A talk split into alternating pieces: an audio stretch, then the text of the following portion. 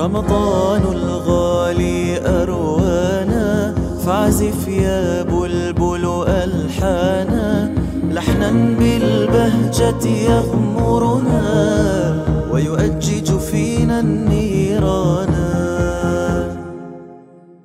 السلام عليكم ورحمة الله وبركاته. أهلا ومرحبا. نسأل الله تعالى أن يوفقنا للإخلاص. لا تنسوا النية الطيبة. وصلنا إلى هذا الباب باب ما يقول إذا توجه إلى المسجد. بسم الله والحمد لله وصلى الله وسلم على رسول الله. روى مسلم وغيره عن ابن عباس رضي الله عنهما. هذا ابن عباس هو عبد الله والعباس عم النبي صلى الله عليه وسلم له عشر أولاد. آخرهم كان تماما. هذا تمام أتم الله تعالى به العشرة. هؤلاء أولاد العباس النبي دعا لهم صلى الله عليه وسلم وصارت معجزة لرسول الله عليه الصلاة والسلام صارت تؤمن أسقفة البيت تقول آمين يعني اللهم استجب. النبي يدعو وهذه أسقفة البيت تقول آمين. فابن عباس رضي الله عنهما يقول رقدت عند النبي صلى الله عليه وسلم. فذكر الحديث في صلاة النبي صلى الله عليه وسلم بالليل كان يراقبه. كان إذا كان دور السيدة ميمونة وهي خالة سيدنا ابن عباس زوج النبي لما تكون ليلتها ينام عندها حتى يراقب النبي عليه الصلاة والسلام. وقراءته الآيات من آخر سورة آل عمران. قال فأذن المؤذن يعني لصلاة الصبح. فخرج أي النبي عليه الصلاة والسلام إلى الصلاة وهو يقول اللهم اجعل في قلبي نورا. والمراد هنا الهداية. النور يأتي أحيانا بمعنى القرآن وأحيانا يأتي بمعنى الهدى. هنا زيادة النور زيادة الهداية في قلب الإنسان. اللهم اجعل في قلبي نورا وفي لساني نورا واجعل في سمعي نورا واجعل في بصري نورا واجعل من خلفي نورا ومن أمامي نورا واجعل من فوقي نورا ومن تحتي نورا اللهم أعطني نورا. فالمقصود هنا النور المعنوي لا الحسي يعني ليس الضوء. وهنا أحبابي فائدة عظيمة.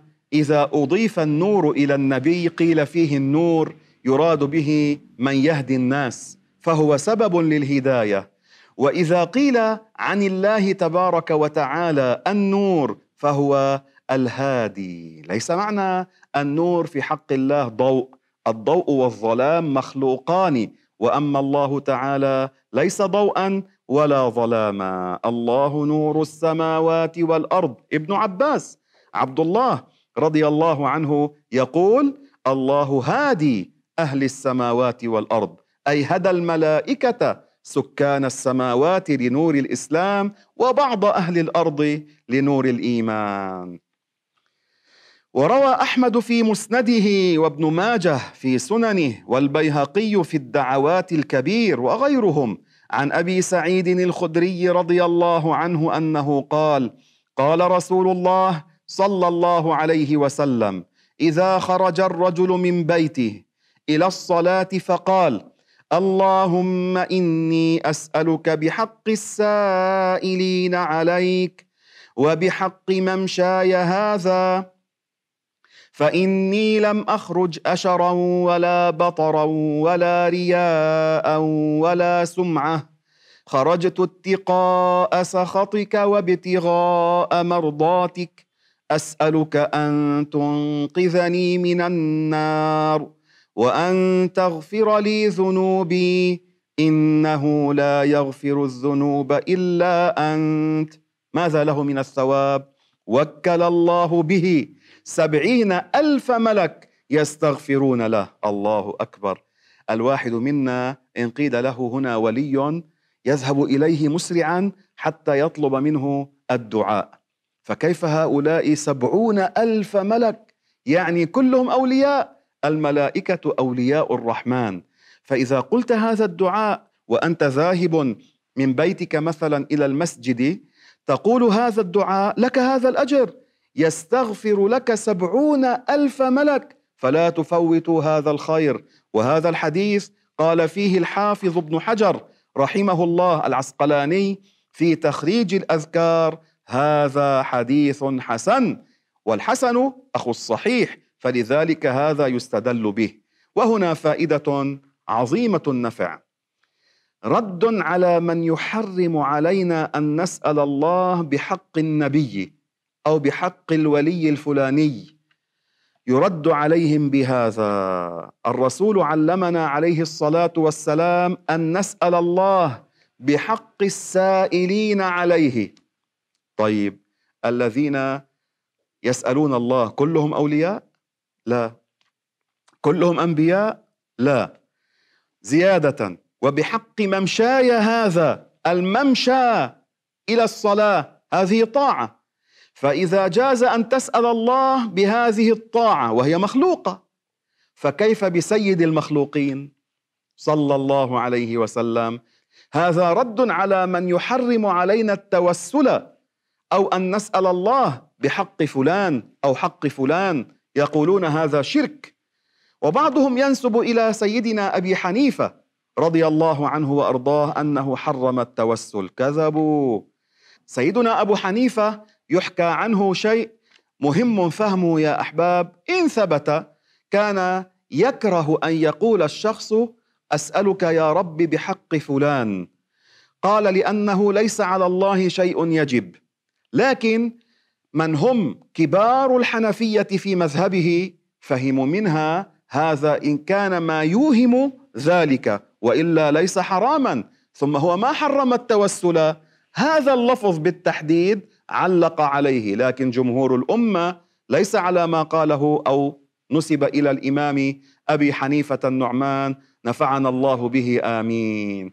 فالمجسمة نفاة التوسل يأخذون قول هذا ويقولون أبو حنيفة حرم التوسل نقول لهم لا.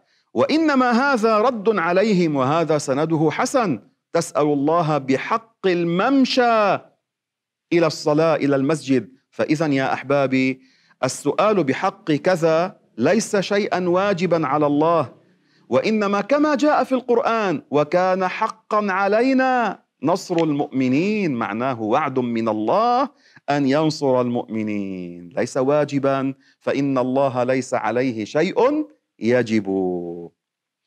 باب ما يقول إذا أراد دخول المسجد وعند الخروج من المسجد.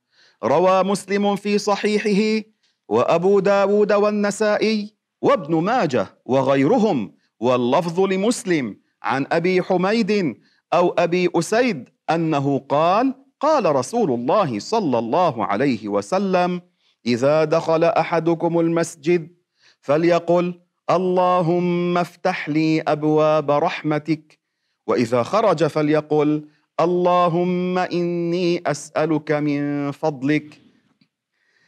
فإذا أردنا دخول المسجد ندخل بالرجل اليمنى. وإذا أردنا الخروج من المسجد نخرج بالرجل اليسرى بعكس الخلاء.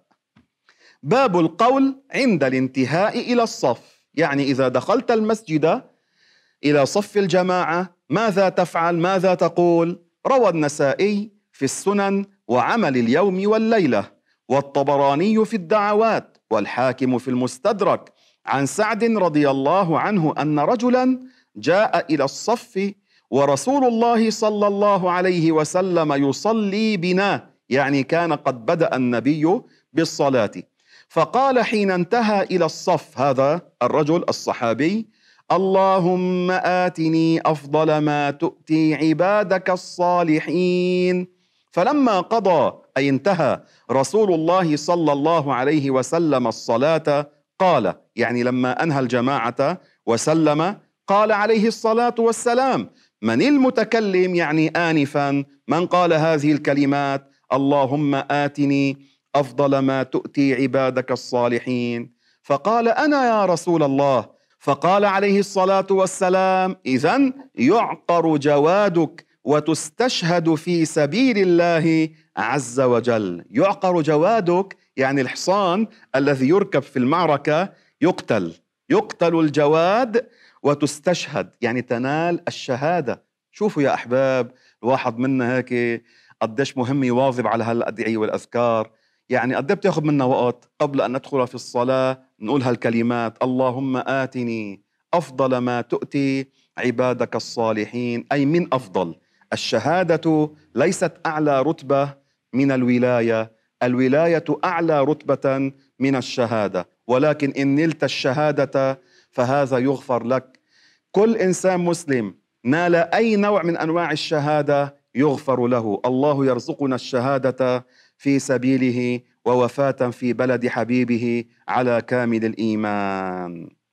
قال الحافظ ابن حجر هذا حديث حسن وقال الحاكم صحيح على شرط مسلم.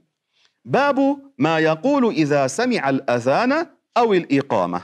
روى مسلم في صحيحه عن عبد الله بن عمرو رضي الله عنه أنه قال سمعت رسول الله صلى الله عليه وسلم يقول إذا سمعتم المؤذن فقولوا مثل ما يقول ثم صلوا علي فإن من صلى علي صلاة صلى الله عليه بها عشرا ثم سلوا الله لي الوسيلة فإنها منزلة في الجنة لا تنبغي إلا لعبد من عباد الله. وأرجو أن أكون أنا هو فمن سأل لي الوسيلة حلت له الشفاعة. يا سلام. هذا الحديث انظروا كم ورد فيه يا أحباب. اولا إذا سمعتم المؤذن ننصت. لا نتكلم لا نكمل الكلام إلا لضرورة. فقولوا مثل ما يقول. يعني إذا قال الله أكبر الله أكبر نقول مثله. إلا في الحيعلتين حي على الصلاة حي على الفلاح ماذا نقول؟ نقول لا حول ولا قوة إلا بالله. وعند الصبح إذا قال المؤذن في أذانه الصلاة خير من النوم نقول صدقت وبررت. معنى ذلك يا أحباب أني موافق لما قلت أصدقك وهذا كلامك حق. فإذا نردد خلف المؤذن هذا سنة وبعدها قال ثم صلوا علي. آه هذا رد على من يحرم على المؤذن أن يصلي على رسول الله صلى الله عليه وسلم بعد الأذان. يقولون هذه بدعة هذه شرك. نقول لهم بدعة حسنة البدعة ضربان كما قال الإمام الشافعي رضي الله عنه ثم هذا داخل تحت الحديث ثم صلوا علي. يقولون لك أنت زدت في الأذان شيئا. نقول لهم متى صلى على النبي المؤذن؟ ضمن الأذان أم بعد أن انتهى من الأذان؟ أو بطريقة أخرى. نقول لهم متى ينتهي الأذان؟ يقولون لك عند قول المؤذن الله أكبر الله أكبر لا إله إلا الله. طيب أنتم قلتم انتهى الأذان هنا. هو متى قال الصلاة على النبي؟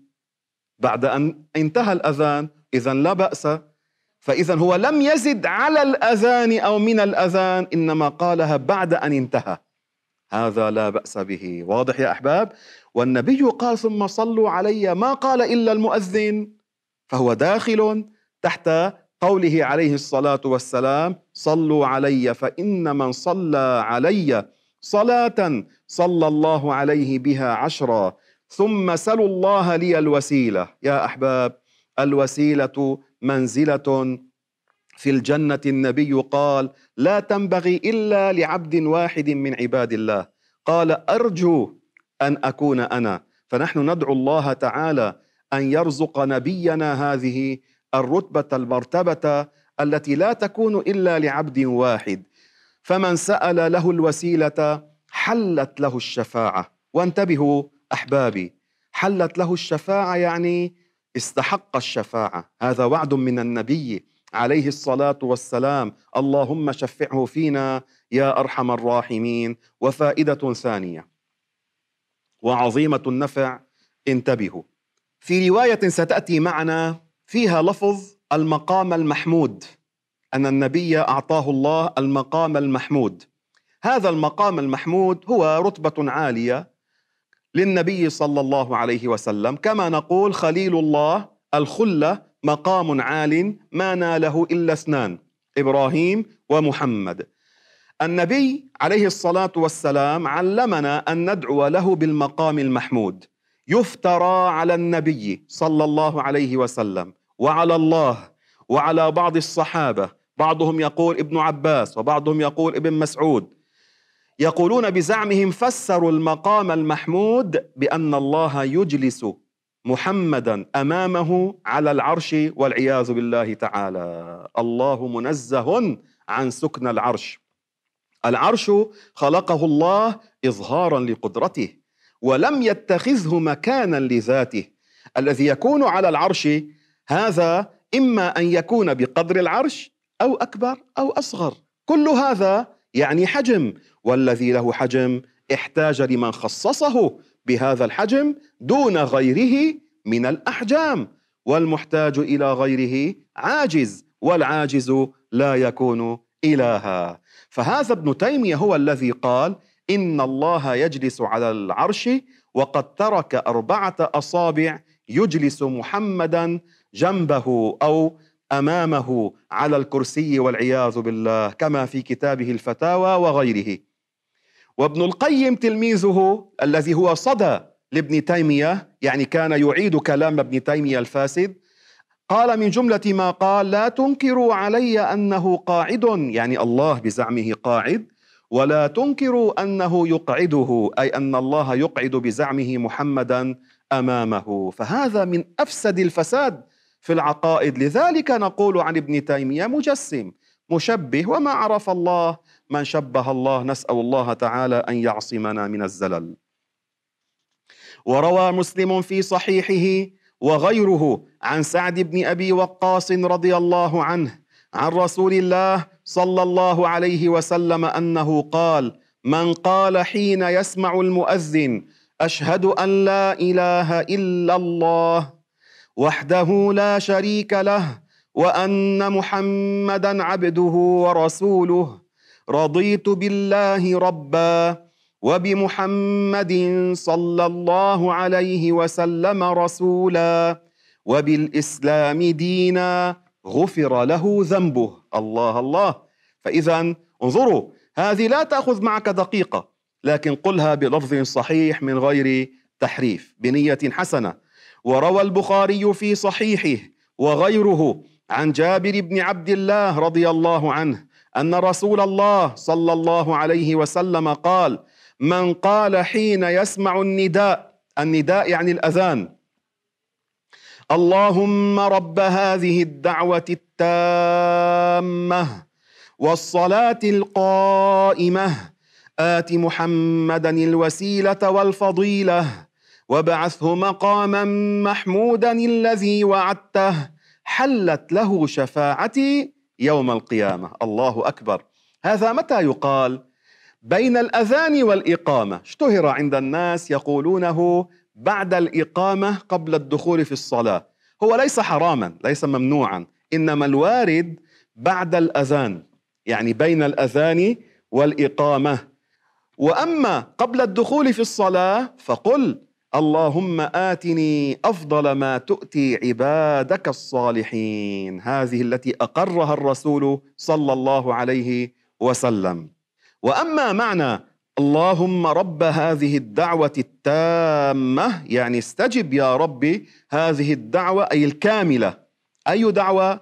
الدعوة إلى الصلاة والصلاة القائمة. طيب بعد ما دخلنا في الصلاة هذا في لغة العرب جائز. هذا معناه ستقام. كما نقول قد قامت الصلاة قد قامت الصلاة في الإقامة. وبعد ما أقمنا فاذا هذا معناه ستقام. هذا ليس ممنوعا. آت محمدا الوسيلة والفضيلة. وبعثه مقاما محمودا. ما هو المقام المحمود؟ المقام المحمود هو الشفاعة العظمى الشفاعة الكبرى التي خص بها نبينا صلى الله عليه وسلم وهو أنه عليه الصلاة والسلام يأتيه الناس على أرض المحشر وقد جاءوا إلى إبراهيم ونوح وأنبياء كلهم يقولون لست لها يعني لم نعطى هذا النوع من الشفاعة.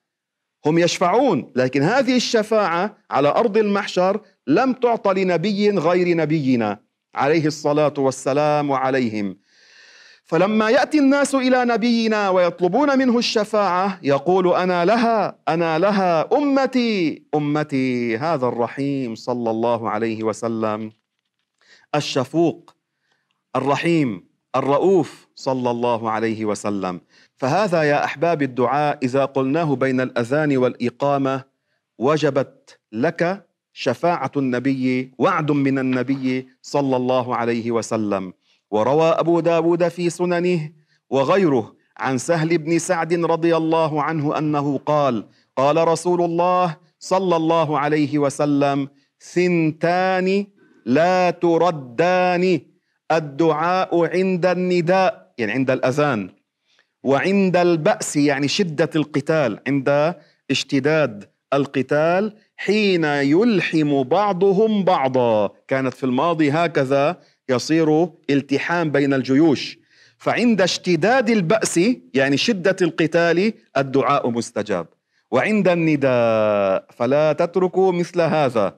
وقال الإمام الشافعي رضي الله عنه في كتاب الأم وقد حفظت عن غير واحد طلب الإجابة عند نزول الغيث وإقامة الصلاة. أول ما ينزل المطر ادعوا الله. وانظروا ماذا سمي المطر. غيثا. وفي رواية عن النبي عليه الصلاة والسلام غيثا مغيثا إذا كان المطر يجوز أن تقول فيه مغيث فكيف النبي الأعظم صلى الله عليه وسلم؟ وعند إقامة الصلاة أحبابي واظبوا على هذه الفضائل. هذه فضائل أعمال لا تتركوها لعلك بسببها تعتق من النار. اللهم اغفر لنا يا أرحم الراحمين. والسلام عليكم ورحمة الله وبركاته.